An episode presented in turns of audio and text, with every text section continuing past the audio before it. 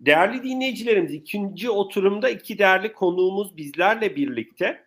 Ee, Neslihan Yalçın LCV 22 İnsan Kaynaklarından sorumlu Genel Müdür. Neslihan hoş geldin sohbetimize. Hoş bulduk. Merhaba Ozan. Nasılsın? Ee, ben de iyiyim. Çok teşekkürler. Arka taraftan da gördüm. ilk sohbeti de e, dinleme fırsatın İzledim, oldu. Çok o tarafta da e, zaten konularımız hani benzer konular, iç içe konular. E, o tarafta da spesifik Esra'nın ve Burcu'nun bahsettiği konulara yönelik bir yorumun olursa da e, seve seve dinlemekten mutluluk duyarız. E, onu da belirteyim. E, ikinci konuğumuz Cem Sezgin, e, Deloitte danışmanlık ortağı ve insan yönetimi hizmetleri lideri. Cem hoş geldin sohbetimize. Hoş bulduk. Herkese merhabalar. Dinleyicilerimize de. E, sizleri ağırlamak büyük bir keyif. E, sohbet davetimizi de kabul ettiğiniz için ben teşekkür ediyorum. E, Cem, e, dilersen sohbetimize seninle başlayalım. E, aslında benim ilk oturumda Burcu'ya sorduğum sorunun bir benzeri ama e, senin e, bu soruya farklı bakış açıları getireceğine de inanıyorum. E, dönüp baktığımız zaman hala da devam eden pandeminin etkisi, e, iş yapış şekillerinin biraz değişmesi, e, belki de quick commerce'ün, e-ticaretin gelişmesi, e, insanların belki beklentilerin e, iş hayatına yönelik değişmesinin etkisiyle şirket kültürlerinde nasıl bir değişim gözlemliyorsun e, İK perspektifinden? Bu noktada neler söylemek istersin? İşin geldiği nokta ne? Nereye doğru biraz evriliyor? Ben sözü sana bırakmak istiyorum. Teşekkür ediyorum. Aslında ben tüm bu pandemi sürecini ki dünyada 27 aydır, Türkiye'de ise 25 aydır hayatımızda biliyorsunuz. E, ortasını ikiye ayırıyorum. Ve siyahla beyaz gece ve gündüz gibi. O kadar farklı ki e, aynı dönemden mi bahsediyoruz? Aynı realitelerden mi bahsediyoruz? Aynı yetenek e, yönetimi ve iş hayatından mı bahsediyoruz? O bile tartışılır. E, insan hafızası da tabii e, biraz unutmak istediğimiz şeyleri çabuk unutuyoruz. Ya da yeni şeylere çok hızlı adapte olabiliyoruz. Kısa bir yolculuğa çıkalım istiyorsanız. Bu pandeminin ilk birinci senesini bir hatırlayalım. O dönemde e, açısı şirketler de çalışanlar da böyle çok düşünerek çok planlı bir şekilde e, yaklaşmadılar olaya. Yani e, daha hızlı bir şekilde reaksiyon vermekle şirketler meşguldüler. E, daha böyle savunma tarafı e, işin güçlüydü. Pansuman yaptık.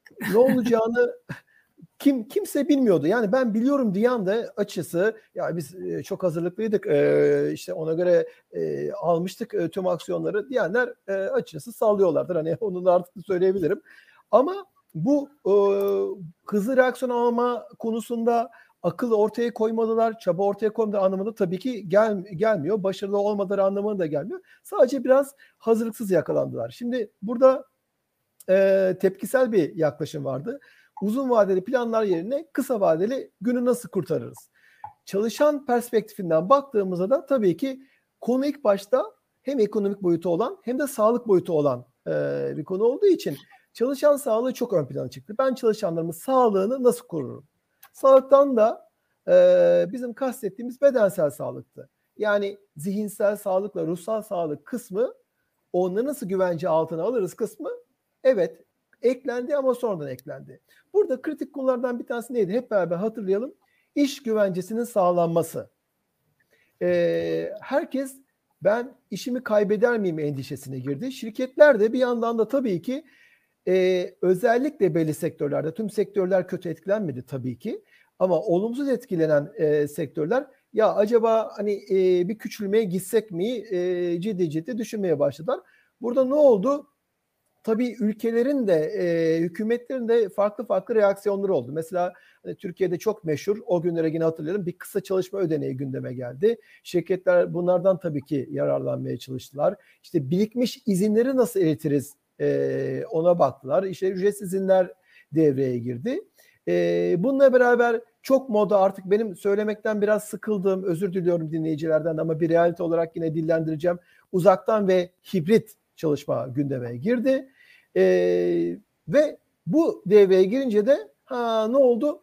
Ya biz bir araya gelemiyoruz. Çalışanlarla olan diyalogumuz, iletişimimiz e, fiziksel olarak birlikte olamıyorsak ya da fiziksel olarak birlikte olsak bile böyle gergin bir salgın ortamında oluyorsak nasıl olmalı?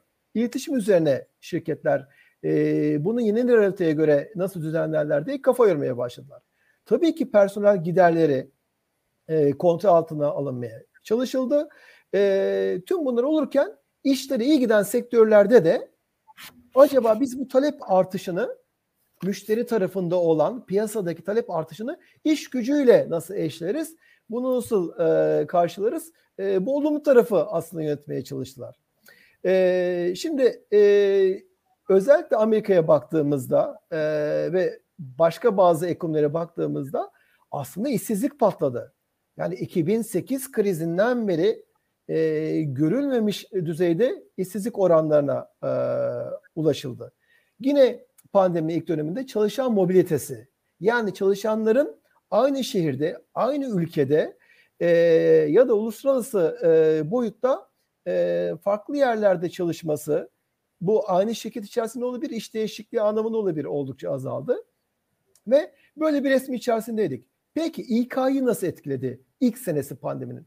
Bir kere İK fonksiyonları açısından bu olumsuz resim bir avantajdı. Hangi açıdan avantajdı? Ee, kendini kanıtlama, daha stratejik bir fonksiyon olduğunu tüm şirkete ve iş dünyasına gösterme anlamında. Burada e, işle ilgili verilen stratejik e, kararlarda, e, şirketin e, direksiyonunun yönünü belirlemede İK başroldeki oyunculardan biri haline geldi. E, tabii ki e, böyle bir bilinmezlikte İK politikaları uygulamalarını en baştan şekillendirmek çok önemliydi. Burada işin geleceğine yani bizim future of work diye dillendirdiğimiz kavramı dibine kadar yaşamaya başladık. Yani işin kendisinin nasıl dönüştüğü, iş yerinin yani işin yapıldığı yerin nasıl dönüştüğü ve üçüncüsü olarak da iş gücünün nasıl dönüştüğüyle ilgili e, yeni bir yol çizmeye başladı firmalar. Ama şunu söyleyebilirim. Her firma bu bunu aynı şekilde yaşamadı. Bir grup şirket zaten buna 5 senedir, 6 senedir, 7 senedir kafa yoruyordu. Bu konuda projeler başlatmıştı. Onların adaptasyon süreci çok daha rahat ve e, başarılı bir şekilde geçti. Bunu sadece jargonsal olarak kullanan, içselleştirmemiş ya da iş günlerine almamış firmalarda ise biraz açıkçası e, zorlanılma olduğunu e, görüyoruz. E, o yüzden ikisini de tabii ki ayırmak gerekiyor. E, bunu hızlı atlatan firmalarda semptom tedavisinden daha ziyade e, hastalığı yenme hatta bünyeyi kuvvetli tutup bir daha da hastalanmama e, üzerine e, geliştirdiler kendilerini. Çünkü bugün pandemi olur, yarın başka bir şey olur. Onun farkındaydı iş dünyası. Yani krizler ya da ekonomideki olumlu olumsuz her türlü dalgalanma fırsat penceresinden de bakmamız gerekiyor. Her zaman hayatımız olabilir. Şimdi bu birinci seneyi bir kenara koydum. Gelelim ikinci senesine işin. Bir anda her şey çok değişti. İki tane gelişme var ki bunu mutlaka e, dillendirmemiz gerekiyor. Biri olumlu, biri olumsuz. Olumlu olan pandeminin seyri. Yani vaka sayıları arttı. E, hatta milyonlara geçti. Bu ikinci e, dönemde oldu biliyorsunuz. Ama aşının yaygınlaşması sonucunda hastane yatış ve çok şükür vefatlar azaldı. E, bu da aslında biraz pandemi olgusunu içselleştirme ve iş dünyasında buna uyum sağlamasını yani artık bu yeni normal kelimesi kullanmak istemiyorum ama ya hayatı bir parçası şekilde bakılmaya başlandı. Bu dönemde yaşadığımız bir zorluk vardı aşı ile ilgili. Çalışanların bir kısmı aşı karşıtı, bir kısmı ise aşı savunucusu olduğu için böyle bir 3-4 aylık şirketlerle çalışanlar arasında ya da çalışanların kendi aralarında böyle bir gerilim oldu. Ama onu ben açık söyleyeyim beklediğimizden daha hızlı açtık ee, ve orada ilerlendi. Şimdi olumlu olan gelişme pandeminin seyri dedik. Olumsuz olan ne? Dünyadaki ekonominin genel gidişatı. Enflasyonist ortam görülmemiş şekilde 30'lu 40'lı senelerden sonra ee, ve tedarik zincirindeki kırılmalar ve maalesef ki küresel çatışmalar. Ee, bunlar da biraz e, olumsuz gelişmelerdi. Bu ikisine iki başlık daha eklemek istiyorum. Bir tanesi Z kuşağının iş gücü içerisindeki artan payı. Bugün Y ve Z kuşağının toplam payı yüzde 60 civarında. E, ve bu resmi ciddi şekilde e, özellikle iş hayatından ve iş yerlerinden beklenti anlamında ciddi şekilde değiştirdi. İkincisi ise iş gücü mobilitesinin bir anda inanılmaz bir noktaya gelmesi ve sınırlar ötesi kariyer fırsatlarının şu anda zirve yapması. Tüm bu resimde iş gücü piyasası acayip bir şekilde açıldı. Çalışanlara rağbet arttı. Bir anda işsizlik istatistikleri konuşurken açık pozisyon rakamları konuşmaya başladık. 2030 yılı için dünyada küresel yetenek açığı 85 milyonun üzerinde olacak diye tahmin ediliyor. Tabii bugün konuştuğumuz bu büyük istifa süreciyle de beraber e, sürekli e, boşalan pozisyonların yeniden doldurulması e, yorucu bir süreç haline geldi şirketler için. E, şirketler şu anda esnek çalışma pratiklerini daha stratejik bir şekilde ve tüm boyutuyla çalışan açısından, yasal açıdan, finansal açıdan ve müşteriye etkisi nasıl olur diye değerlendiriyorlar bu dörtlü skalada. Bunu, bunu tasarlamaya çalışıyorlar. İK politikalarının uygulamalarını e, bu gözle yeniden yapılandırmaya öncelik verdiler. Dijitalleşme, iş gücünü otomasyonu, alternatif ve karma iş gücü seçeneklerini e, masa yatırmaya başladılar. Daha fazla hatta e, şirket stratejinin parçası olarak ve tabii ki çalışan deneyimin yerinde insan deneyimi aldı ve e, daha insan odaklı bir çalışma hayatı tasarlanmaya başladı. E, ilk oturumda da zaten e, konuşuldu. Özellikle liderler için de e, bu önemli bir sınav haline geldi. Çünkü her şey en baştan bir yap boz haline geldi e, diye kısaca özetleyebilirim.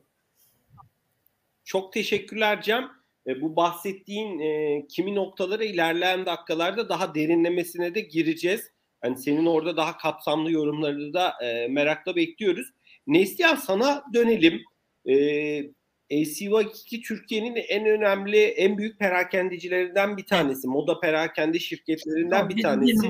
Ve 50 e, yanılmıyorsam da 50'den fazla ülkede faaliyet gösteriyorsunuz. E, oradaki Doğru, tam metrikleri sen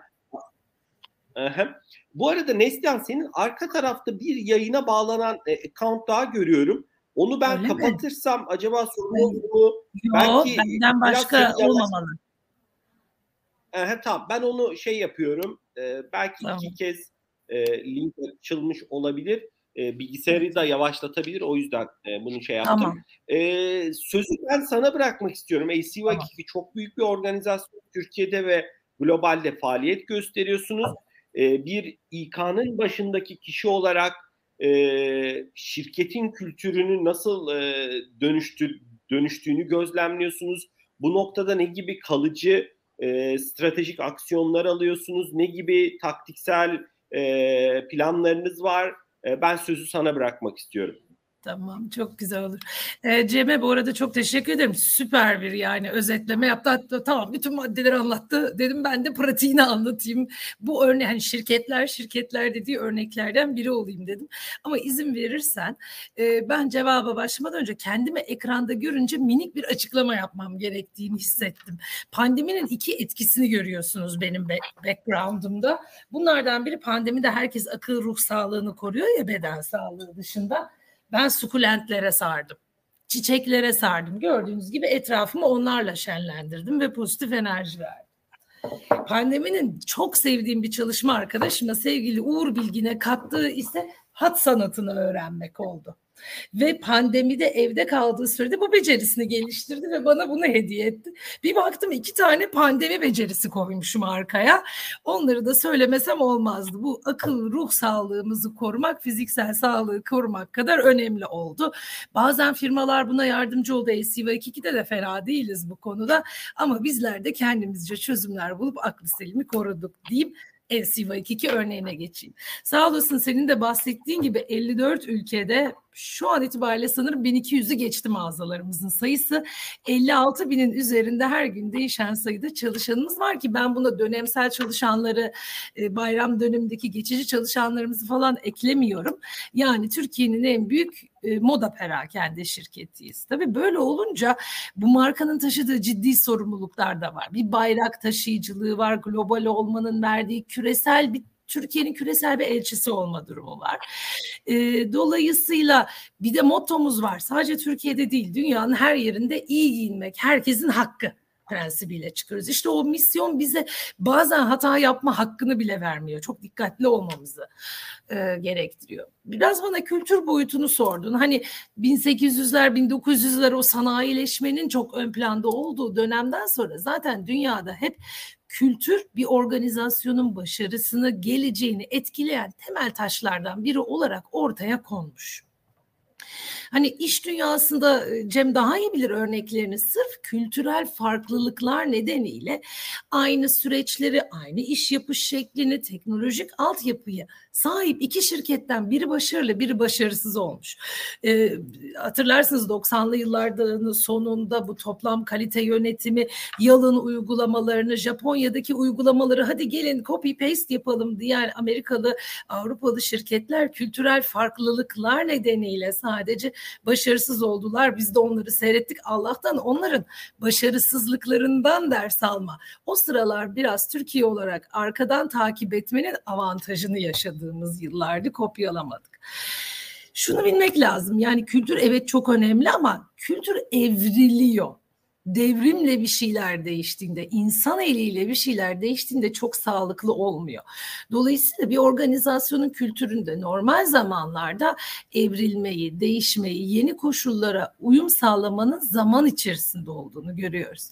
Ama pandemi koşulları gibi travmatik diyebileceğimiz hızlı ve majör değişiklikler biraz daha hızlandırıyor bunu. Biz de hani pandeminin buna iyi bir örnek olduğunu düşünüyoruz. E, şimdi LCV2 olarak büyüyoruz, globaliz. Her biri birbirinden farklı sosyoekonomik, coğrafi, e, politik koşulları olan hatta bir kısmında politik çok büyük sıkıntılar, savaşlar olabilen e, coğrafyalarda yaşıyoruz. Biz dedik ki pandemi bizim için bir fırsat olabilir mi? Biz dedik ki değerler ve prensipler bazlı. Çok kuvvetli bir iş yapış kültürü olan bir yer. Dolayısıyla bir transatlantik olma etkisini de yaşıyor. Acaba hızlı değişmek istediğimiz ve kültüre katmak istediğimiz etmenleri koymak için bu dönem iyi bir dönem olabilir mi dediğimiz ve bir kısım değişiklikleri de bilinçli olarak yaptığımız bir dönem oldu. Birkaç örnek vereyim. Yani her zamankinden daha şeffaf, daha yalın, daha hızlı dijital bir iletişim, basitleşen bir yönetişim planı, çeviklik ve esneklik her şirkette olduğu gibi bizim için de e, kıymetliydi. E, her şirketle ortak söyleyeceklerim var bir de farklı söyleyeceklerim var. Belirsizlikle mücadele kası, öğrenme çevikliği kası resmen hepimizde gelişti. E, hatta bu öğrenme çevikliği için hani try fast, fail fast teknikleri de gördük. Biz İK'cılar hani stratejik ortak olduk. Sık sık çok hızlı aksiyonları aldık ama bolca da yanıldık. Yanılmanın doğru olduğunu da gördük. E, yani normal olduğunu da gördük. Yıprandık, denedik, yanıldık. Pandeminin ne kadar süreceğini bilemedik ne tür önlemler alacağımızı da bilemedik. Bence öğrenme esnekliği ve belirsizliğe karşı tolerans açısından müthiş bir ortam oluştu. Her kültürün şöyle biraz ibresini o tarafa doğru kaydırdığını düşünüyorum. E, bizim zaten hani dijital olarak çok kuvvetli bir organizasyonduk. Çok farklı coğrafyada, dilde olduğumuz için o yönetişim daha daha hız, e, hızlandı. IT altyapımız çok geniş. İşte bin kişi geçen ve e-ticareti de, mağazacılığı da, bizim gibi destek bölümleri de, de e, hizmet veren BT bölümü çok hızlı çözümler üretti. Çok hızlı çözümler üretebilmek için ne yaptı? Agile takımları kurmaya başladı. Ee, bir baktık diğer bütün bölümlerde agile iş yapma şekline, agile proje yönetimine çok daha fazla önem veriyorlar. Bölümler bu yetkinlikleri, bu becerileri kazanmak için İK'ya geliyorlar. O başarıyı sürdürebilmek, aynısını yapabilmek için birkaç seferberlik yaptık ve uzun zamandır bu kadar hızlı kenetlenerek seferberlik yapması gerekmemiş organizasyonlar için çok kıymetli bir deneyim oldu. Ee, e-ticareti geliştirme ve marketplace yapma açısından çünkü bizim satışlarımızın ciromuzun büyük çoğunluğu mağazalardaydı. Pandemi başlangıcında notlarıma bakıyorum 6 ülkede faaliyet gösteriyormuşuz. Biz şu an 17 ülkede e-ticaret yapıyoruz ve bu e-ticareti mağazamız olmayan ülkelerde bile lider olarak yapıyoruz. İşte Almanya, Fransa, İtalya gibi zor ülkelerde, mağazamızın olmadığı ülkelerde e-ticaret ve marketplace adına çok hızlıyız.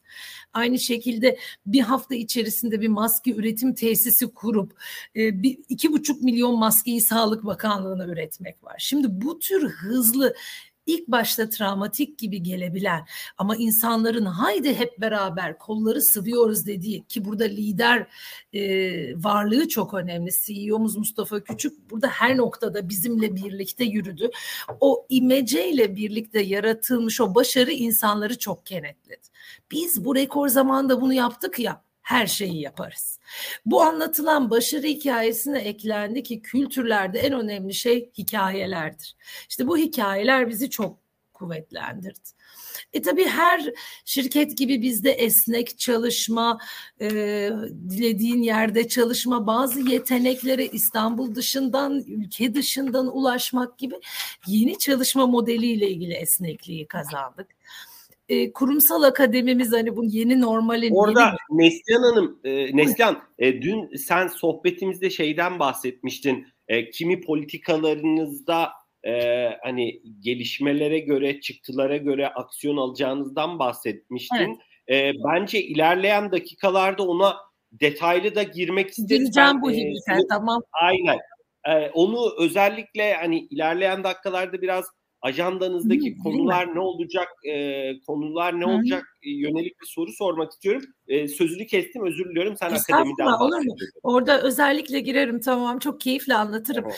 E, biz açıkçası bazı şeyleri denediğimizi, gözlemliyor olduğumuzu şeffaflıkla çalışanlara söyledik.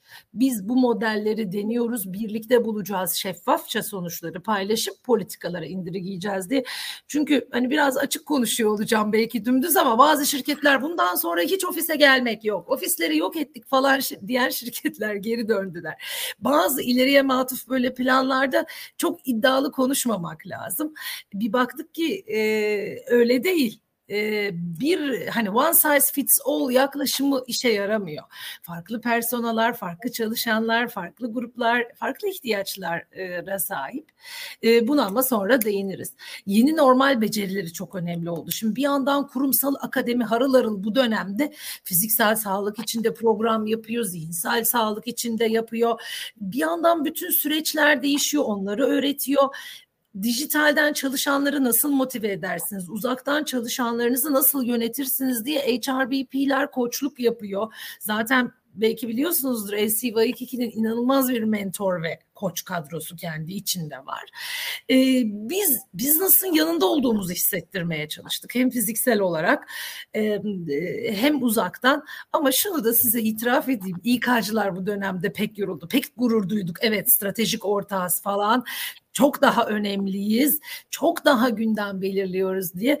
Ama bu vesileyle eğer dinleyen meslektaşlarım varsa söyleyeyim çok yoruldular ve hepsi bence piyasadaki tüm İK'cılar kocaman bir aferin hak ettiler diyorum. ve genel olarak şunu söylüyorum. Esneklik, çeviklik, dijitallik, şeffaflık Bence her yerde aynı. Ee, yine LCY2'nin kurum kültürünün çok böyle değişmez noktaları olan hani pandemi olsa da kolay kolay hızlıca değişmeyecek olan bir işbirliği kültürü var.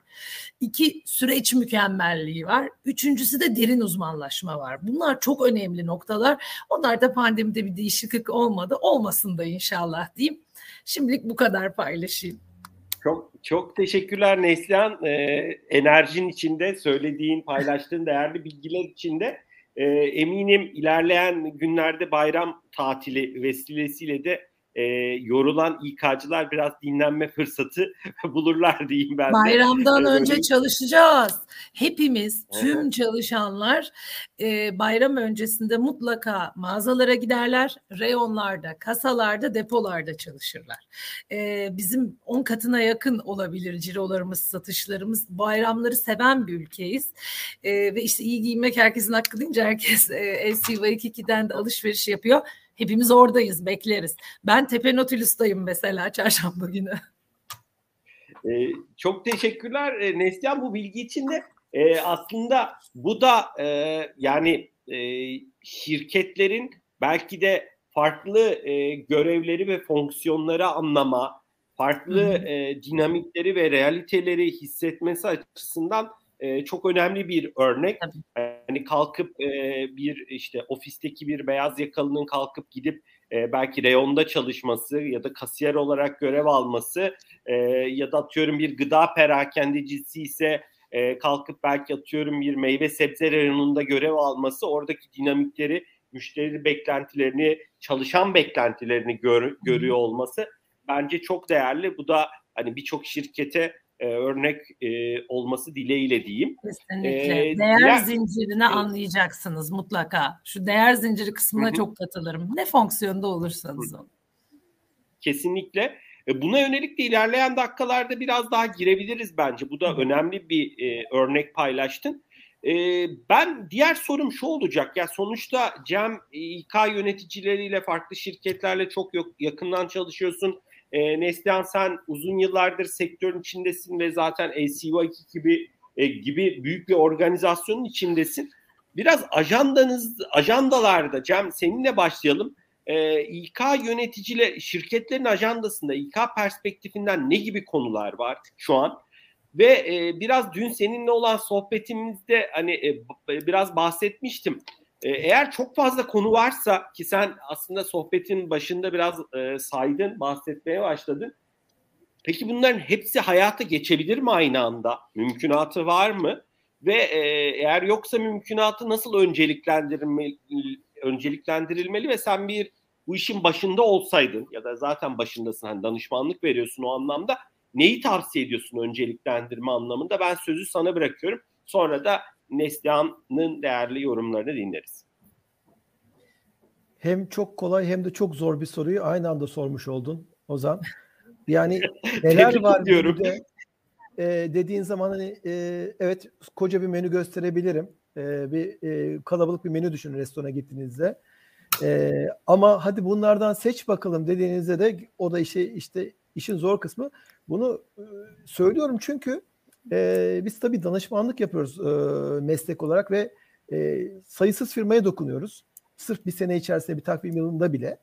E, ama bir yandan da kendimiz de büyük bir firmada çalışıyoruz. Hatta orada yönetici pozisyondayız ve kendi çalışanlarımız e, kendi yeteneklerimizle ilgili iri kararları hızlı bir şekilde, dinamik bir şekilde almak zorunda kalıyoruz.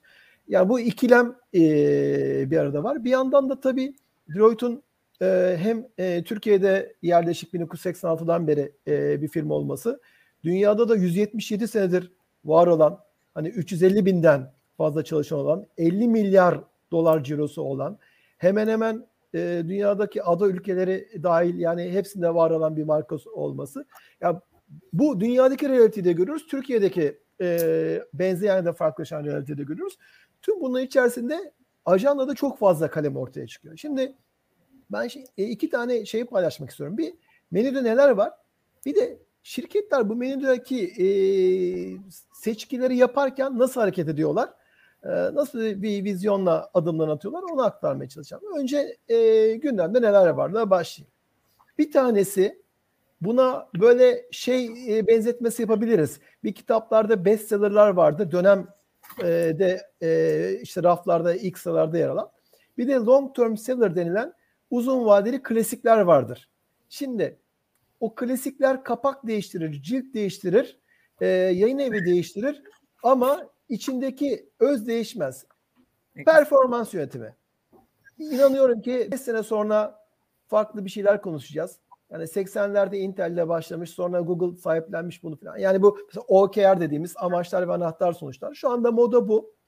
E, moda olmasında bir sakınca yok performans yönetimi çok ciddi şekilde gündemde.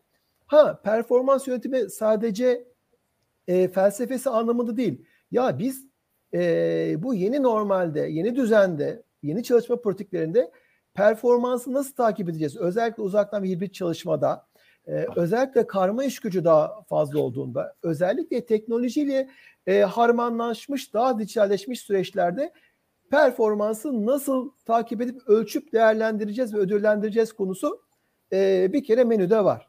İkincisi yeteneklerin yeniden belirlenmesi. E, yetkinliklerin pardon. Şimdi bu yetkinliklerin yeniden belirlenmesi deyince sadece beyaz yakayı hayal etmeyelim.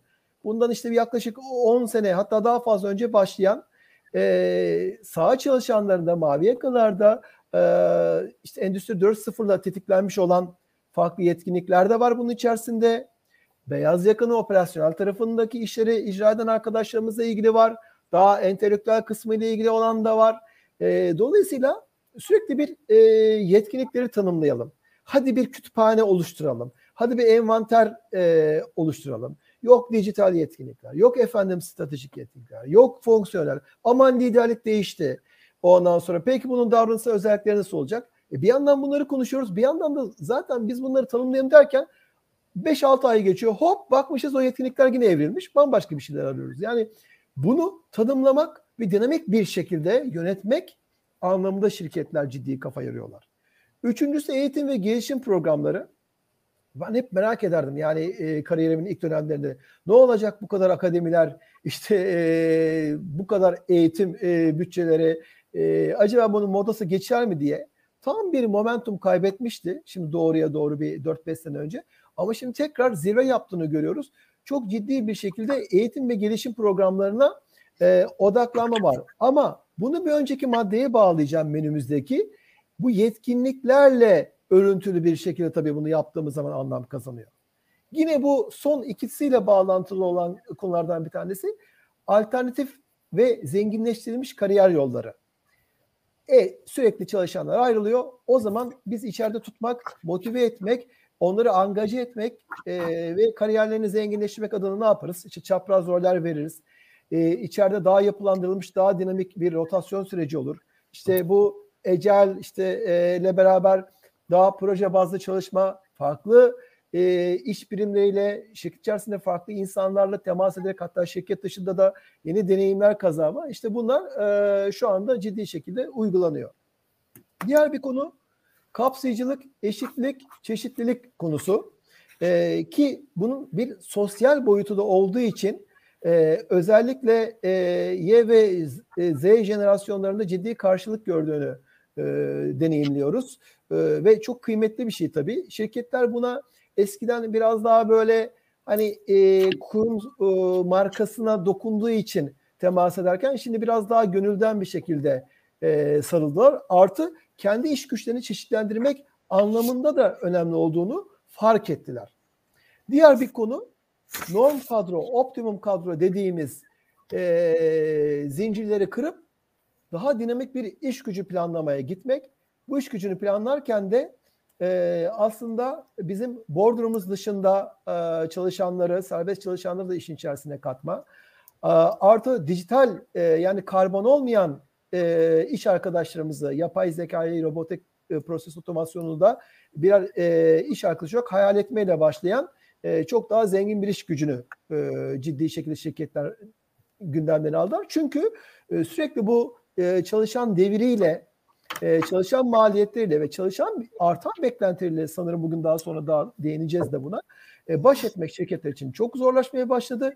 Hem verilik anlamında hem de daha rahat bir nefes alma anlamında açısı dijitalleşmeye çok ciddi bir yatırım var. Bunun dışında neler gündemde? Tabii ki çevik organizasyon dönüşümü, orta ve uzun vadeli İK stajının geliştirilmesi buna çok kıymet veriyoruz biz de danışman olarak ve çok destekliyoruz. Çünkü e, tek başına bir şeyleri iyileştirme bakış açısıyla e, insan kaynakları ve yetenek yönetiminde bir şey yapmak değil, kurum stratejisiyle beslenen, uyumlanmış bir şekilde yapmak, e, yaptığınız şeylerin sonuç getirmesi ve bir şeyleri değiştirmesi anlamında başka bir tat getiriyor. E, daha önemli. Bunun dışında ilk seansta bahsedildi. Liderlik yeniden tanımlanıyor.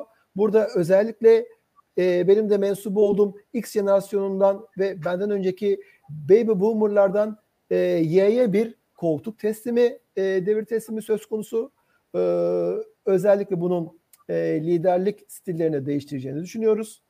E, tüm bunlarla beraber güvenceli esnek çalışma modelleri yani sadece işin nereden yapıldığı ile ilgili değil, e, iş ve çalışma modelleri ilgilendiren her şeyin daha esnek, daha dinamik, daha farklı, e, daha de, alternatif sunar bir şekilde değişeceğini görüyoruz.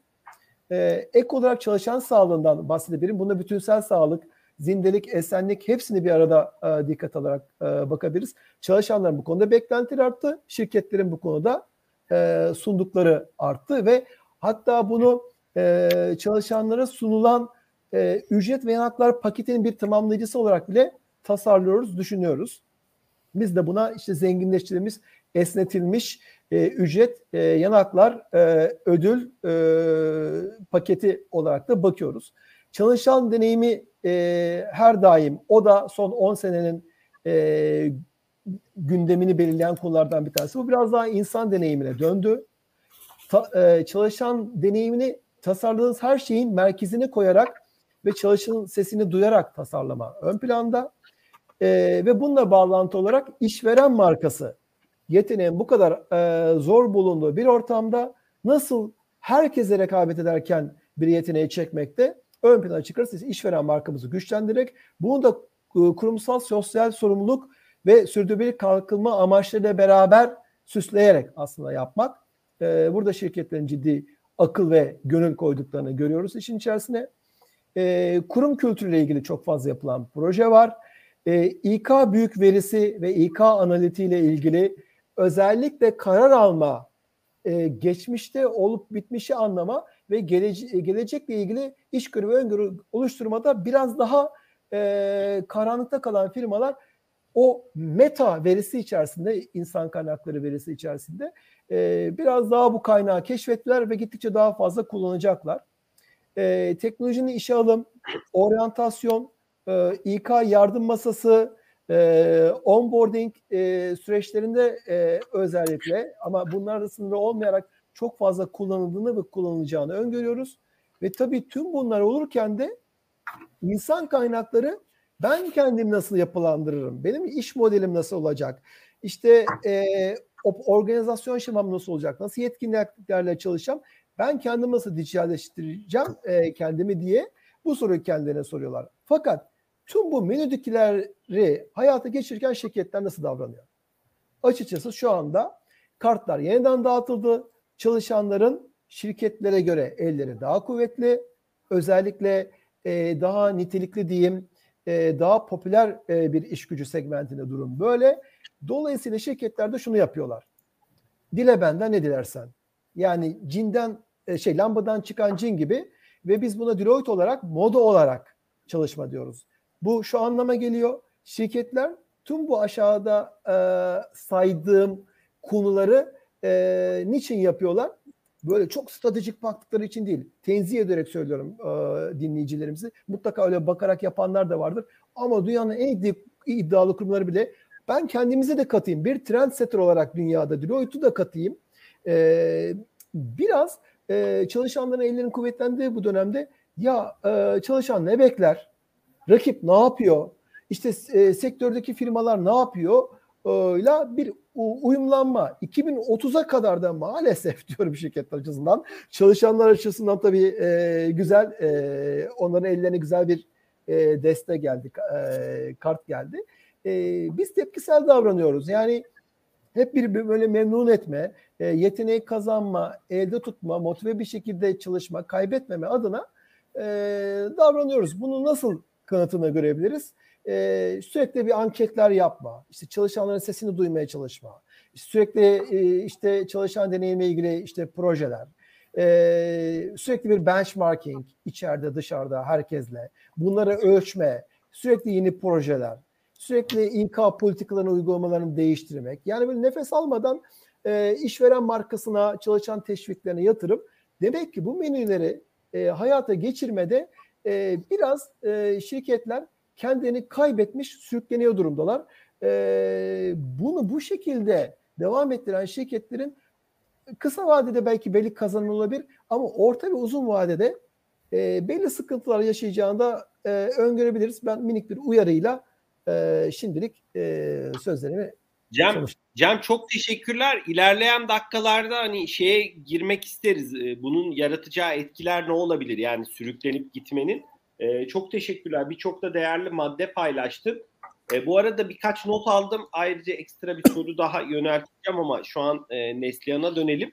Neslihan, Cem çok fazla e, sayıda hani önemli değerli söyledi. Eminim sizlerin de ajandasında bunların hepsi var e, belki başka konularda var. Biraz siz nasıl bakıyorsunuz? E, neleri önceliklendiriyorsunuz e, burada? Neler sizler için kritik? Hatta ben bunu e, sorayım şimdi. Yani Cem de bunu sonra senden sonra cevaplandırır. Burcu ilk oturumda şeyden bahsetti. Dedik ki ya bu teknoloji departmanları, IT departmanlarındaki arkada e, grubu dedi. Ben başka bir kenara koyuyorum dedi. Hani şey olarak dedi. Dijital ee, yakınlığı. E, evet şey anlamında yani haklar anlamında yurt dışına daha rahat gidebilmesi anlamında. Personası e, farklıdır. Evet. Evet. Şimdi burada hani Cem öyle bir anlattın ki Cem bunu olumsuz anlamda söylemiyorum. Hani bu bahsettiğin hani kartlar eline geldi dediğin şey herkesin eline mi geldi yoksa belli departmanların mı? Bunları da e, Neslihan'ın yorumlarından sonra senden duymak isterim bu konudaki yorumları. Neslihan ben sözü sana bırakıyorum. En son söyleyeceğimi başta bir söyleyeyim. Herkese kart geldi de kimine as geldi, kiminde şu anda Flush Royal var. Yani bir kart dağıtıldığı kesin. Bu arada başlamadan önce yani Cem öyle güzel anlattı ki şu uyarısına çok katılıyorum. Benchmark alalım, onu da yapalım, bunu da yapalım diye süzmeden yapıla yapıla ben bir yere dedim ki LinkedIn herhalde biz İK'cıların kim ne kadar çalışanı minnoşluyor yarışması platformuna dönecek. İşte birimiz kahve veriyoruz, birimiz sandalye veriyoruz, birimiz gidiyoruz masaj yapıyoruz biz şöyle sizi minnoşlarız diye e, o işin ayarını kaçırmamak lazım. Erişkin erişkin iletişimi ve ortaklaşa iş ortaklığı amaçlar, hedefler doğrultusunda ortaklığı sağlıklı bir şekilde yapma odağımızı aman kaybetmeyelim. Kendimizi kimle nasıl enteresan uygulamalar yapıyor yarışmalarında bulmayalım diyeceğim meslektaşlarıma. Şimdi İK'cıların ajandası kabarık yani her zamankinden daha kabarık. Ben 27 senedir çalışıyorum. 95 yılında da hedeflerimi, stratejilerimi belirlerdim. O zaman bir kağıda yazar asetatta gösterirdim yöneticime. Yine o zaman çalışanı çekeceğiz, geliştireceğiz, tutunduracağız, elde tutacağız derdi yöneticim. Aslında ana fonksiyon süreç değişmiyor. Oradaki havlar yani yapış şekliniz, çekmek için yaptıklarınız. Hani şey gibi düşünün çalışan e, bambaşka bir e, sektörden bahsedeyim. Basın yayından bir televizyonun girişiminden bahsedeyim. İnsanlar bilgilendirildi, eğlendirildi, teşvik edildi. Bunu tek kanalla da yaptık. E, efendim çok kanalla da yaptık. Renkli televizyonla da yaptık. Ama ana amaç ihtiyaç değişmedi gibi. Ee, biz de tabii ki trendleri takip ediyoruz. Kendi kültürümüz açısından değerlendiriyoruz. Ajandamıza bakıyoruz. Hatta sevgili Cem gibi e, iş ortaklarımızla, çözüm ortaklarımızla bir araya geliyoruz. E, Cem ve kıymetli ekibiyle biz geçen hafta beraberdik. Kendi öz değerlendirmemizi onlarla paylaştık. Ya moda olan gündemde bunlar var. Bizde de bu var. Biz bunların hepsini aynı potada nasıl eritiriz diye de birlikte görüş alışverişinde bulunduk. Sağ olsunlar. Çok da güzel geçti. E, Valla bu menü çok kalabalıktı. Menüden seçmek iki ay aldı. Bizler de bu meşhur e, OKR sistemine geçmiş hem yıllık GPS hedefleri olan hem de aynı zamanda bu VUCA dünyasına uyum sağlamak için OKR sistemini de kullanıyoruz kullanan bir İK ekibiyiz. Bütün şirketimiz kullanıyor bunu ve Etkin de kullanıyor. E, kültürümüze de uydu bu arada söyleyeyim. Perakendeye bu kadar e, piyasaya ve koşullara hızlı reaksiyon veren bu sektördeki biraz da esnekliği yüksek olan firmamıza gerçekten çok uydu. Bunu çok rahatlıkla benimsedik benim açımdan bakıldığında LCV2'nin ajandasında Cem'in de bahsettiği gibi bir numara organizasyonel dönüşüme liderlik etmek. Çevik ve yalın organizasyonu ama. Bunu yaparken İK'nın şöyle deme şansı yok. Sevgili tasarım ekiplerimiz, buying ekiplerimiz siz çevik olun, yalın olun ben de böyle takılayım. Hayır önce sizin olmanız gerekiyor. Çünkü kültür elçisi olma misyonunu hiçbir zaman İK unutamaz. Başkalarının çevik olması için neye ihtiyacı ihtiyacı var. Bir yandan ben nasıl olabilirim o yumurta tavuk ilişkisinde bunu yürütmek var. E, açıkçası zamanla özellikle agile çevik organizasyonlarda belki OD dediğimiz organizational design fonksiyonunun business'lara bile verileceği belki daha da iddialı olacak.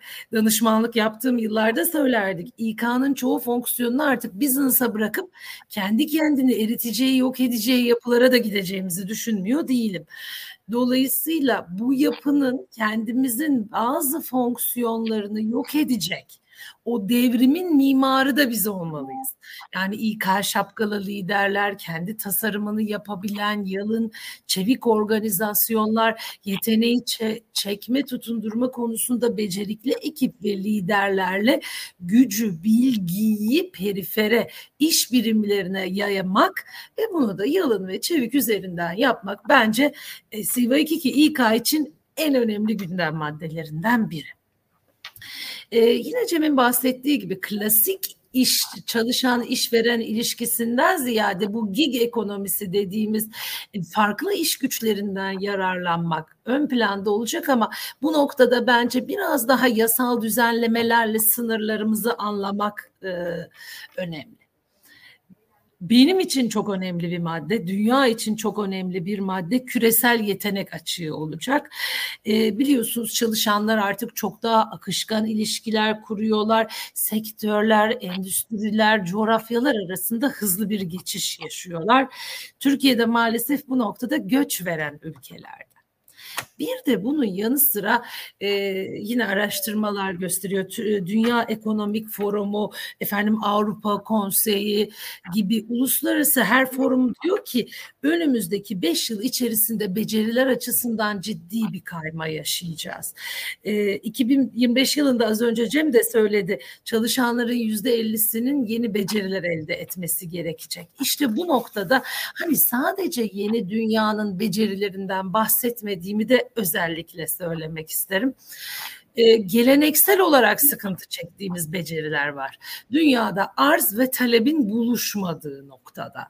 İşte benim sektörümden önce e, örnek vereyim singercilik zanaat, ustalık, uzun süren usta çırak ilişkisi ve sabırla edinilen o derin uzmanlık. Kalaycılık diyebilirsiniz, bir zanaat el becerisi gerektiren dediğim gibi derin uzmanlık gerektiren konularda biz ciddi bir daha bugünden arz talep dengesizliği yüzünden bir açık görüyoruz. Burada özellikle sevgili akademimizin desteğiyle, meslek okullarıyla, meslek yüksek okullarıyla yaptığımız çalışmalarla e, gençleri bu tür okullara meslek liselerine, meslek yüksek okullarına yönlendirmeyi ve ortak programlar sürdürmeyi planlıyoruz. Bence burada tüm İK'cılara çok büyük iş düşüyor. Bu geleneksel meslekler ve arz talep bugünün bile açıkları için. E bazı işler var ki teknoloji çok hızlı değiştiği için ve platformlar sürekli update, reskilling gerekiyor. Bugün İK analitiğini iki sene önce kullandığım tablo tool'u değil bambaşka bir tool'da yapmam gerekiyor. Ben İK analitiğinde uzmanım deme sürem 6 ay. Ondan sonra geçersiz bilgi. RPA yöntemlerini iki sene önce biliyordum, şimdikini bilmiyorum. Bu ne demek? Ee, geçmişte kaldı bilgim. Yani bir updatesel bilgiler var. Bir de bugün radarımıza giren ancak kullanımı çok artacak bilgiler var ki işte LCV2 de Metaverse'e girdi. Metaverse'de mağaza açabilmek, tasarım yapabilmek. Biz şu anda akademimizi tamamen AR, VR odaklı hale getirmeye çalışıyoruz. Çalışanları bu ortamlarda e, oryantasyon için buluşturmayı düşünüyoruz. Bir de oradan yetenek açığımız var. E, SIVA2 ki bu yıl Dünya Ekonomik Forumu tarafından organize edilen beceri açığının azaltılması inisiyatifinde de Türkiye'yi temsil eden yedi şirketten biri. Dolayısıyla benim çok önemli bir gündemim bugünün, yarının hatta dünden gelen beceri açıklarının adreslenmesi için aksiyon planı oluşturulması. Bunu yaparken formal metotlar kadar ustalık, çıraklık, sektörü yönlendirme, okulları yönlendirme de var. Özellikle bunu şey yapmak istedim. Hani Cem'in söylediği bütün maddelere katılıyorum ama bu belki benim için ekstra ekstra önemli. Organizasyonel dönüşümle beraber. E tabii çalışan deneyimi o daha çok uzun süredir vardı. E, yine Cem'in de bahsettiği gibi personalara ayırmak durumunda kaldık. Dijital yakalıların ihtiyacı bu. Satış personelimiz Z kuşağının ihtiyacı bu. Neslihan ben de tam o noktaya gelecektim. Aslında çok e, hani güzel oldu. E, yo ay kesinlikle fark etme. E, sonra hani e, burada yorumlarını Hı. alıp kısaca Cem'e de döneriz. Burada e, LCV 2'de çok e, hani farklı profillerde demin bahsettiğin gibi işte zanaatla ilgilenen kişiler de var, tasarımcı da var. Belki mağazada e, yaz döneminde çalışan üniversite öğrencisi de Doğru. var ya da mağaza müdürü de var, e, fabrikada üretim yapan e, kişi de var gibi gibi. Biraz burada gözlemlediğiniz o farklı personaların son yıllarda değişen beklentileri, e, hayalleri, şirkete e, le ya profesyonel ilişkisi, duygusal ilişkisi buralardaki gözlemlerin nedir? Cem de e, sen de e, farklı açılardan yani Hı. sektörde gördüğün o beklenti e, noktasına farklı personellerin değinebilirsen sevinirim. Neslihan ben sözü sana bırakıyorum. Tabii. E, bu biz personaları aslında sıklıkla e, kullanırız. Özellikle perakendeciler satış odağında olan hani e, firmalar müşterilerini, ziyaretçilerini tanımlamak için kullanırlar. Ama zaten consumerism modeli çalışan deneyimini etkilediği için çalışanlar da o tüketim tecrübesini çalışma hayatına aktarmak istediği için işte karşımızda farklı personalar var. Farklı sosyokültürel, ekonomik, jeopolitik her türlü e, beklentileri farklı olan global çalışanlarımız var. Biz de bunu tanımladık. Şimdi bir kere herkes herkesin ortak ihtiyaçları var bir de farklılaşanları var. Belki son birkaç senede Z kuşağının girmesi dengeleri değiştirdi. Ben diyorum ki biz X kuşakları için hala bir yerlerde gittikçe azalan bir sayımız var. Biz de Y görünümlü olmaya çalışıyoruz böyle arada kamufle olmak için. Ee, Özellikle Estağfurullah Neslihan çok çok gençsin. Yani e, zihnen olmak lazım. zihnen hakikaten o kuşakları Doğru. anlayabilmek lazım o personaları. Şey görüyorum Y ve Z kuşakları bizler hep kendimizden çok daha yaşça büyük kişilerin başarı hikayeleriyle büyüdük. Kahramanların Y ve Z kuşakları kendi yaşıtlarından kahramanları gördü. İş adamlarını gördü. Başarı şirket başarılı şirketlerin kurulumunu gördü.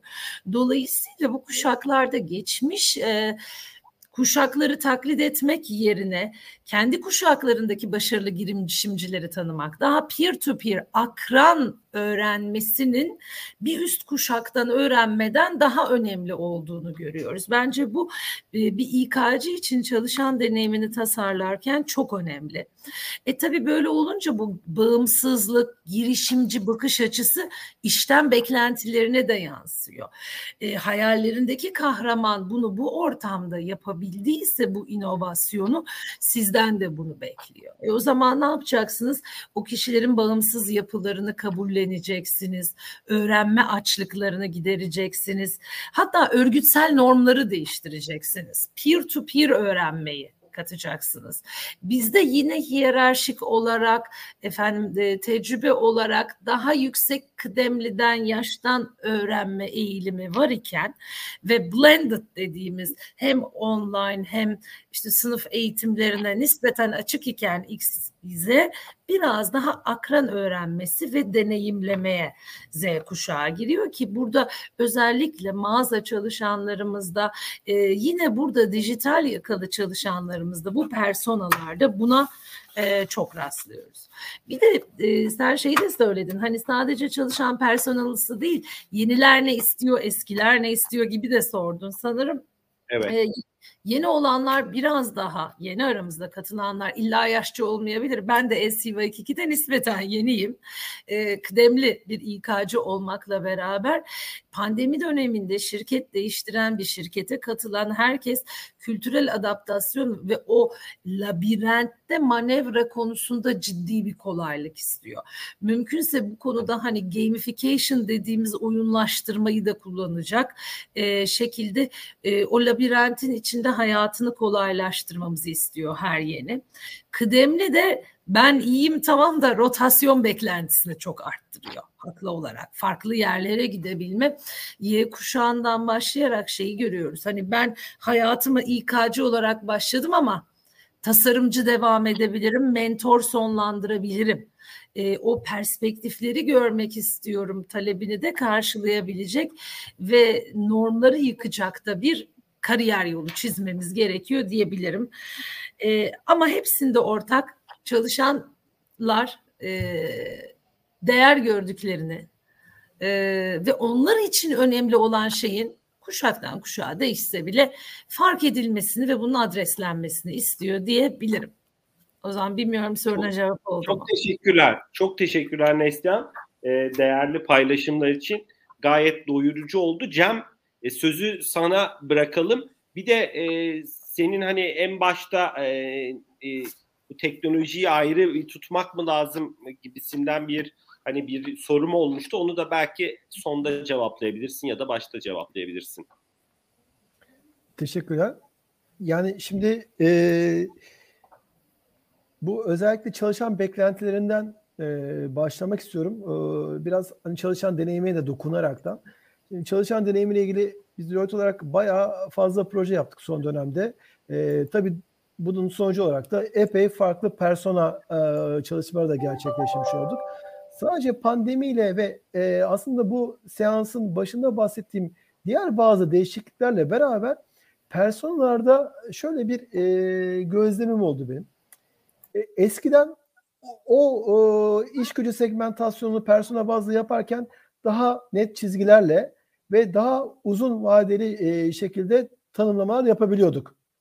E, işte dört tane beş tane ana persona oluşturulup işte, e, çalışanları o şekilde gruplayabiliyorduk. Şu anda o kadar her şey dinamik, değişken, belirsiz ki personel arasında geçişkenlik, kırılganlık, yeni personelin doğması, eski personelin ölmesi fazlasıyla olmaya başladı. Bu da biraz e, persona bazlı çalışan deneyimi yönetimini zorlaştırıyor. Ha yani sor, şunu sorarsan e, tamam bu artık bitti mi yapılmayacak mı anlamını kaybetme ya da yerine ne geldi? Hayır öyle bir durum yok ama personaları da artık daha dinamik bir şekilde takip etmek e, ve yönetmek gerekiyor. Bunun sebebi de aslında çalışanların e, düşünce, hislerindeki dolayısıyla beklentilerindeki değişiklik. E, şimdi baktığımız zaman e, yine reklam gibi olacak ama Deloitte e, dünyanın en güçlü tüm sektörler arasında en güçlü 10 markasından bir tanesi. Ve o en güçlü 10 marka içerisinde kendi sektöründeki tek firma. E, şimdi böyle düşündüğümüzde ne e, insan hisseder? Ya bizim için işte çalışanları bulmak, onların beklentilerini karşılamak o kadar zor olmuyor ki böyle bir konumda yer alabiliyoruz. Ama bunu sürdürmek gerçekten e, bu arada yıllardır bu şekilde devam ediyor. Hiç kolay değil. Çünkü e, çalıştığınız kişilerin beklentileri sizden e, çok yüksek. Keza şimdi e, Neslihan anlattı. LCV2 de çok güçlü bir marka. Sektörün işte lideri e, 50 binden fazla değil mi çalışanı var. Bu çok ciddi bir sayı. Bir de Türkiye'de kaç tane firma var e, ve gerçek anlamda merkezde Türkiye olsalar da o firmalar globaller dediğimizde zaten bir elin parmağı kadar. ASV2 de onun e, örneklerden bir tanesi. Bir de bu kadar göz önünde markalar olduğu zaman Deloitte gibi ASV2 gibi beklenti toplumda çalışanlar, adaylar, eski çalışanlarınız, çalışanlarınızın akrabası, bunlar aynı zamanda müşterileriniz. Beklenti daha da yükseliyor. Yani dolayısıyla aslında güçlü bir marka olmak beraberinde daha büyük beklentileri de getiriyor. Biz öyle bir e, zorluğun ama keyfinde içinde yaşıyoruz diyeyim. Şimdi çalışanlar ne bekliyor peki? E, hem talepleri artıyor çalışanların hem de çeşitleniyor. Mesela demin bahsettik e, iş gücünün şu anda dörtte birini Z kuşağı oluşturuyor. İş bulma e, ya da iş bulmuş olsa bile işini kaybetme kaygısı var. Kısaca iş güvencesi ve gelecek kaygısı bunu diyebiliriz. Bu şu, şu bakımda enteresan. Y kuşağında ve önceki kuşaklarda bu kadar yüksek değildi. Düşük bir özgüven var. Yani hep neden bahsettik? Kartlar elinize iyi geldi dedik. Buna rağmen ya ben rahat iş bulurum, istediğim işi bulurum. Ondan sonra ya bugün buldum ama ya yarın o iş yeri işte iflas ederse, ya beni işten çıkarırlarsa, ya istediğim ücreti alamazsam gibi e, çok ciddi şekilde e, bir e, kaygı var. Ya sadece işle de ilgili. Hayatın geneliyle bakışıyla ilgili bir kaygı da çok fazla. Bu kaygı da öyle bir ruh hali bir duygu ki bulaşıcı. Yani bir ülkeye, bir jenerasyona, bir iş gücü segmentine e, sizin sınırabileceğiniz bir şey değil. Bir anda bulaşı veriyor. E, sürdürebilir kişisel refah. Yani azalan satın alma gücüyle beraber bu konu çok gündemde. E, nitekim yani yapılan en güncel araştırmalardan birkaç örnek vereyim. Mesela çalışanların %89'u neredeyse her 10 çalışandan 9'u çalışma hayatlarının kötüleştiğini söylüyor. %85'i refahlarının azaldığını, %56'sı da tüm bunlar olurken işverenin benden daha fazla ve daha iyisini bekliyor diyor. Yani daha çok şey yapmak zorundayım ama e, daha mutlu da değilim. Bir bu taraftaki e, his var. Diğer konu özgürlük. Özgür hissetme, esnek olma. Bu artık katı, hiyerarşik, e, dev kurumsal e, yapılardan bir uzaklaşma, bir kaçış var. Dolayısıyla işte bu serbest çalışan dediğimiz gig ekonomisinde e, büyük bir popülarite söz konusu. Tüm dünya serbest çalışana dönecek. İşte diğer çalışma modelini kimse tercih etmeyecek. Böyle bir şey demiyoruz ama biraz e, popülerlik o tarafa doğru kayıyor diyebiliriz. E, ve serbest çalışanlardaki iş tatminine baktığımız zaman %90 kurumsal yapılardaki e, kısmen Deloitte öyle kısmen esnek bizde ikisinin bir miksi var. %50 civarında %48 şu anda. Bir diğer konu yine çalışan beklentilerinde kariyerlerini dinamik bir şekilde tasarlayabilme ve yönetebilmede söz sahibi olmak istiyorlar. Yani bir üst akıl gelsin, bir yönetici ya da insan kaynakları kafa kafaya versinler, benim geleceğimi tasarlasınlar. Hayır, önümü açsınlar, arkadan destek versinler, alternatifler sunsunlar ama ben de söz sahibi olayım kendi kariyerimi inşa etmede. Benim de fikirlerim var, benim de beklentilerim, taleplerim var. Bu e, önemli bir konu olarak dikkat çekiyor. Bunun dışında tabii ki e, mobilite, yurt dışına açılım, demin da bahsetti. E, sonra buna bence daha fazla girmek de e, faydalı olabilir. E, şu anda çok popüler. E, özellikle Türkiye'de popüler. E, kişisel gelişim, kendini gerçekleştirme, kendi markasını oluşturma. O yüzden sosyal e, mecraları daha aktif kullanıyorlar. E, bağlantılarını geliştiriyorlar. İşte çeşitli derneklere üye oluyorlar e, sadece kendi şirketlerinin dört duvarı ya da ekranlarını sıkışıp kalmıyorlar. E, kişisel markaları üzerine hatta bu konuda imaj danışmanlığı almaya daha 20'li yaşlarında başlayanlar var. E, gerçekten hani şapka çıkarılır. Çok takdir ediyorum. Çok doğru adımlar. E, bununla beraber e, tabii ki iş özel yaşam dengesi yıllardır bunu da dillendiririz, dillendiririz, anlatırız. Ee, özellikle pandemiyle beraber iş özel yaşam geçişkenliği söz konusu olduğunda ya bir dakika e, ben ne yapıyorum? Benim de bir hayatım var. İş ayrı, e, eğlence ayrı diye bunu ayırmaya çalışan e, ve dijital anlamda da bu kölelikten kurtulmaya çalışan ciddi bir iş gücü segmenti söz konusu. Ve her jenerasyonda buna rastlıyoruz. Yani tek jenerasyon özel bir durum da değil. Tabii ki çalışanlar sağlıklarını ne kadar kıymetli olduğunu gördüler. Huzur arıyorlar. Zindelik arıyorlar ve şu anda şöyle bir ikilem içerisindeler. Hem maddi anlamda tatmin olacağım hem de huzurumun ve akıl, ruh sağlığımın bir arada devamlılığını sağlayabileceğim bir işi ben nasıl bulurum? Bingo yani ikisi yan yana nasıl gelir? Tüm bunlara ek olarak işte anlam arayışından bahsederiz. Ne yapıyorum ben? İşte kendim için, insanlık için, bu dünya için ve özellikle şirket seçerken bu kurumsal sosyal sorumluluk anlamında e, bunu daha böyle samimi bir şekilde mi yapıyor şirketler? Yoksa yine modaya uyup sırf millet yapıyor diye hani şirin gözükmek için mi yapıyor? Hangileri e, bu konuda ciddi bütçe, emek, odak ayırıyorlar onlara bakıyorlar. E, ve tabii şöyle bir durum da var. Özellikle yine Y ve Z kuşaklarının üçte birinin e, şirketlerin dünya için yeteri kadar emek e, sarf etmediğini ve bu konuda samimi olmadığını düşünenler var. E, gördüğümüz gibi yani kurumsal sosyal sorumluluğundan e, kişisel sağlık, huzura, işte cebimizin e, dolmasından iş güvencesine, kendimizi özgür hissetmeden belirsizliğin yönetilmesine kadar evet her yerde bir beklenti var. E, Maslow'un ihtiyaçlar hiyerarşisi o meşhur piramit şu anda bir labirente dönmüş durumda. oradan oraya, oradan oraya girip çıkıyoruz hepimiz. Şu anki resim kısaca böyle. Son olarak da şunu söyleyeyim. Çok... Dijitalleşme ile ilgili bir soru sormuştun.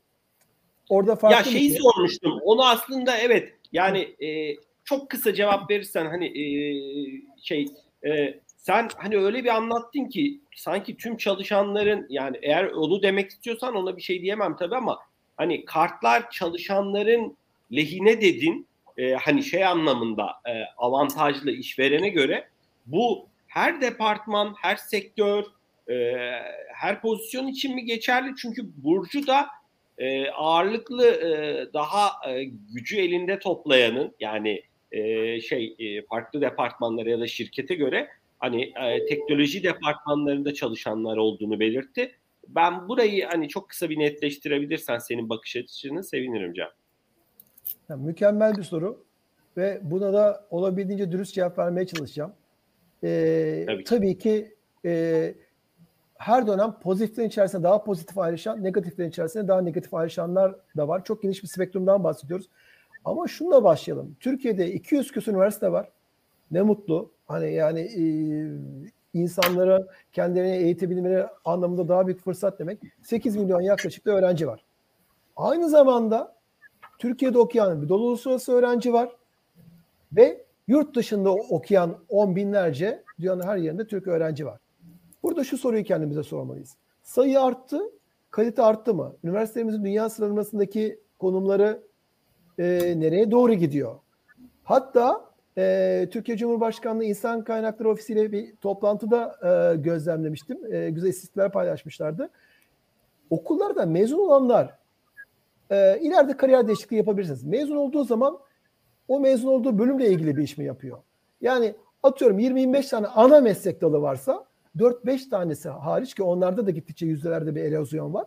Alakasız işler yapıyorlar. Yani e, iyiye giden ne var? Hep kötü şeylerden bahsetmiyorum. Stajlar çok daha bilinçli bir şekilde yapılmaya başlandı. İnsanlar daha okurken iş hayatında çok daha iyi hazırlanmaya başladılar. Bu var.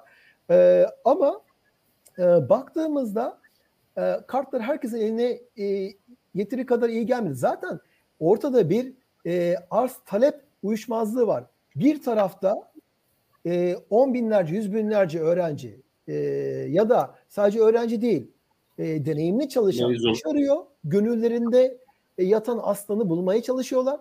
Öteki tarafta da yüzlerce, binlerce firma hayallerindeki o vasıflı kendi e, aradıkları nitelikleri olan insanları bulmaya çalışıyor. Ama bu ikisi bir araya giremiyor. Sevenler kavuşamıyor diyeyim. Yani e, o yüzden e, kartlar herkese aynı şekilde iyi gelmedi. Ama o kadar Türkiye'den büyük bir yetenek göçü var ki şimdi yurt dışına e, 2016'dan beri benim farklı kaynaklardan yaptığım detaylı bir araştırma var. E, yarım milyondan fazla olarak hesapladım. E, yani şimdi yarım milyon nitelikli iş e, beyin göçü demiyorum yani nitelik yetkinlik göçünün olduğu bir yerde e, kartlarınız süper olmasa da iyi iş bulabiliyorsunuz deyip öyle ufak bir tüyoyla e, Çok teşekkürler. E, şey yapmışım, sonlandırmışım. Çok teşekkürler Cem. Bu arada e, süremizin de e, açtık. E, tabii hani e, ikinci oturum olduğu için ben de e, şey yapmadım hani e, böyle bir hatırlatma ihtiyacı hissetmedim ama e, belki başka toplantılarınız olur e, ve hani süreyi de bir noktada bu keyifli sohbeti de e, bitirmemiz gerekir. E, şeyle de ilgili olarak yani ben şunu anladım sizlerin paylaştıklarından e, çok fazla gündemde madde var İK'nın gündeminde bunların önceliklendirilmesi, bunların e, planlanması ve bunlar bu arada o önceliklendirilenler de dinamik olduğu için e, sürekli bir devinim içinde olan bir yapıdan e, bahsediyoruz Hı. aslında ve konuşulacak da çok e, konu var. E, dilerseniz e, hani e, bu keyifli sohbeti son paylaşımlarınızı alıp e, kapatabiliriz e, ama bir tür yapalım. Hani eklemek istediğiniz bu konuştuklarımızın çerçe konuştuklarımız çerçevesinde hani e, yorumlarınız olursa alabiliriz ve sonrasında da bu keyifli sohbeti ben sizin değerli vaktinizde fazla almak istemiyorum. Belki hani başka planlarınız olabilir. Ee, ama önümüzdeki dönemlerde bence daha da spesifik belki belli konulara da girebiliriz birlikte. Ben e, bizler için çok değerli olur. Bunu söyleyebilirim. Neslihan sözü sana bırakayım. Valla e, aynen senin de bahsettiğin gibi gündem çok kalabalık. Odaklanmak gerekiyor. Uçuşmamak gerekiyor. Her şeyin sürekli değiştiği yerde çevik olduğunuz kadar tutunmanızla lazım. Yoksa böyle bırakılmış uçurtma gibi gidersiniz. Tutunmanızı sağlayan değerler olacak. Tutunmanızı sağlayan e, nasıl diyeyim kültür olacak. Daha önemlisi biz İK'cılar da e, sürekli bir şey icat etmeyeceğiz açıkçası. Aa bunu da yapalım, şunu da yapalım diye. Gerçekten doğru bir eleme yöntemini kullanacağız. E, sakin, çevik pratik, pragmatik olmamız gerekecek, erişilebilir olmamız gerekecek. Ve evet her zamankinden çok yorulacağız ama bana sorarsanız çok uzun vadede O uzun vade tartışılır. E, zamanla İK'nın pek çok şu an algıladığımız ya da geçmişte algıladığımız fonksiyonun artık İK'da olmadığı bir geleceği birlikte tasarlayacağız diye düşünüyorum. E, İK kendini abolish edebilir. Bu misyonla da yola çıkabilir bu gidişle. Çok teşekkürler Neslihan. Orada bir ufak bir sorun var. E, o fonksiyonun departmanlara aktarılmasını mı öngörüyorsun sen? Yani Eğer belli, çevik bir organizasyon ise Gerçekten agile bir organizasyonun kendi planlamasını yapabilme, performansını değerlendirebilme, kendi PNL'lerinden sorumlu olabilme e, noktasına geldiği noktada daha çok enabler olur. Yani operasyonel fonksiyonlarını devredip koçluk, mentorluk, e, eğitim platformlarını sunan e, destekleyici bir tarafta kalıp e bir de RPA'yı var, otomasyonu var, analitikle gelen e, data var. İş birimleri bu tür kararları kolay alabilir. Arada İK aracılarına ihtiyaç duymadan. Bunu söylemek istiyorum. Dolayısıyla İK hep olur. Ama 10 sene önce olmayan wellness olur. 10 sene önce olan İK diyelim ki işe alımın operasyonel kısmı azalır gibi diye düşünelim. Yani gündem değişecektir. Hı hı. Çok teşekkürler. Belli görevlerin aslında şirket içine yayılması ve e, belki de ya da şu an ajandanızda evet şu an ajandanızda olmayan konularında daha fazla önem kazanması ya da Hı. buralara daha fokus olunması gibi. Evet. E, çok teşekkürler Neslihan. Cem senin e, son kapa kapanışı yaparken yorumların, paylaşımların ne olur? Ya ben iki müjdeli kehanetle e, son sözlerimi paylaşmak istiyorum. Ee, bazı olumsuz şeylerden de bahsettik ama olumlu e, tarafa bakarsak e, yurt dışına e, yerleşmiş e, genç yeteneklerimizin özellikle e, ileride çok hızlı bir şekilde ben kariyer basamaklarında e, merdivenleri tırmanacaklarını ve e, daha sonra e, yani Türkiye'yi en şekilde temsil edip e, başka fırsatları e, burada yaratacaklarını e, düşünüyorum. Aynı zamanda e, Türkiye'ye olan yatırımları da arttıracaktır. Çünkü gerçekten ne olsun, yani doğruya doğru e, bir yönetici e, ne kadar tarafsız e, davranmaya çalışsa da kendi ülkesiyle ilgili pozitif ayrımcılık yapabiliyor. Yani yatırım kararları işte bu e, Greenfield dediğimiz işte üretimle de ilgili olur, teknolojiyle ilgili olur, her şeyle ilgili, insanla da ilgili olabilir. E, dolayısıyla e, bir e, 5 ila 15 sene arasında e, kısadan orta uzuna doğru giden bir süreçte e, Türkiye bunun e, bu bumerangın iyi bir şekilde döneceğini düşünüyorum. Dünya iş piyasasıyla entegrasyon açısından bambaşka şeyler konuşacağız. E, gurur duyacağımız sağımıza, solumuza, çevremizde onlarca başarılı Türk insanı e, olacak ve diğerlerine de cesaret verecek. İkincisi e, bölgemizdeki e, maalesef bazı olumsuz e, jeopolitik gelişmelerin Türkiye'nin e, konumunu bir şekilde kuvvetlendirdiğini düşünüyorum ve e, Türkiye'nin bir dönem bölgesel hapken sonra e, kaybettiği bu durumu tekrar yeniden kazanmaya başladığını gördük. Türkiye'nin e, yine önümüzdeki 4-5 sene içerisinde çok ciddi bir e, bölgesel hap olacağını, tersi bir göçte olacağını, e, farklı ülkelerden insanların da e, daha fazla Türkiye'de e, çalışmaya bir başlayacağını ve Türkiye'den birçok önemli global firmanın yönetilmeye başlayacağını e, en azından bölge ofislerinin ben e, düşünüyorum. Ee, böyle iki tane kehanetim var. Bakalım zaman gösterecek. Haklı mı çıkacağım haksız. Teşekkür ederim. Ee, bir de Cem e, kimi çalışanların da yurt dışına giden Türkiye'ye de ilerleyen yıllarda geliyor olması burada hani bu o tecrübeyi buraya getiriyor olması, o kültürü buraya getiriyor olması bu da değerli bir şey. Hani onların Doğru. da e, bir kısmının zamanla Türkiye'ye geliyor olmasında hani bekleyebiliriz belki. E, ben çok teşekkür ediyorum e, değerli dinleyicilerimiz ikinci oturumumuzda e, Deloitte danışmanlık ortağı ve insan yönetimi hizmetleri lideri Cem Sezgin ile e, LCV2 insan kaynaklarından sorumlu genel müdür Neslihan Yalçın bizlerle birlikteydi. E, ben Neslihan'a ve Cem'e çok teşekkür ediyorum değerli paylaşımlar için. Değerli dinleyicilerimiz bu sohbetlere YouTube'dan her zaman ulaşabilirsiniz. Neslihan bu arada şirket içinde de isteyen e, çalışanlarınızla bu linkleri paylaşabilirsiniz her zaman. Cem aynı şekilde. Teşekkürler. E, değerli dinleyicilerimiz bu sohbetleri podcast olarak da Spotify, SoundCloud gibi farklı platformlarda önümüzdeki günlerde izleyebilirsiniz. E, bayram dolayısıyla e, bir sonraki oturumumuzu 10 Mayıs'ta yapacağız. E, şimdiden de herkese huzurlu, keyifli, sağlıklı bir e, bayram tatili ve dönemi dileriz. Tabii ki Neslihan bahsetti. E, kimi şirketler için, kimi operasyonlar için daha yoğun dönemler.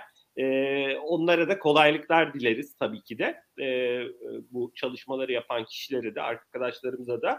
E, ben Cem'e ve Neslihan'a tekrar teşekkür ediyorum. E, bizi e, izlediğiniz için de ve ilerleyen günlerde YouTube'dan izleyen değerli, izleyecek olan değerli dinleyicilerimize de, izleyicilerimize de şimdiden teşekkür ediyorum. E, sohbetleri de çalışma arkadaşlarınızla paylaşabilirsiniz. E, eğer beğendiyseniz sohbeti like edebilirsiniz e, ve kanalımıza da abone olabilirsiniz. E, 10 Mayıs Salı günü görüşmek üzere. E, hepinize güzel bir e, gün diliyorum Cem, Neslihan. E, müsaadenizle de yayını buradan kapatıyorum. Kendinize çok iyi bakın. Kolay gelsin. Çok teşekkürler. Çok teşekkürler.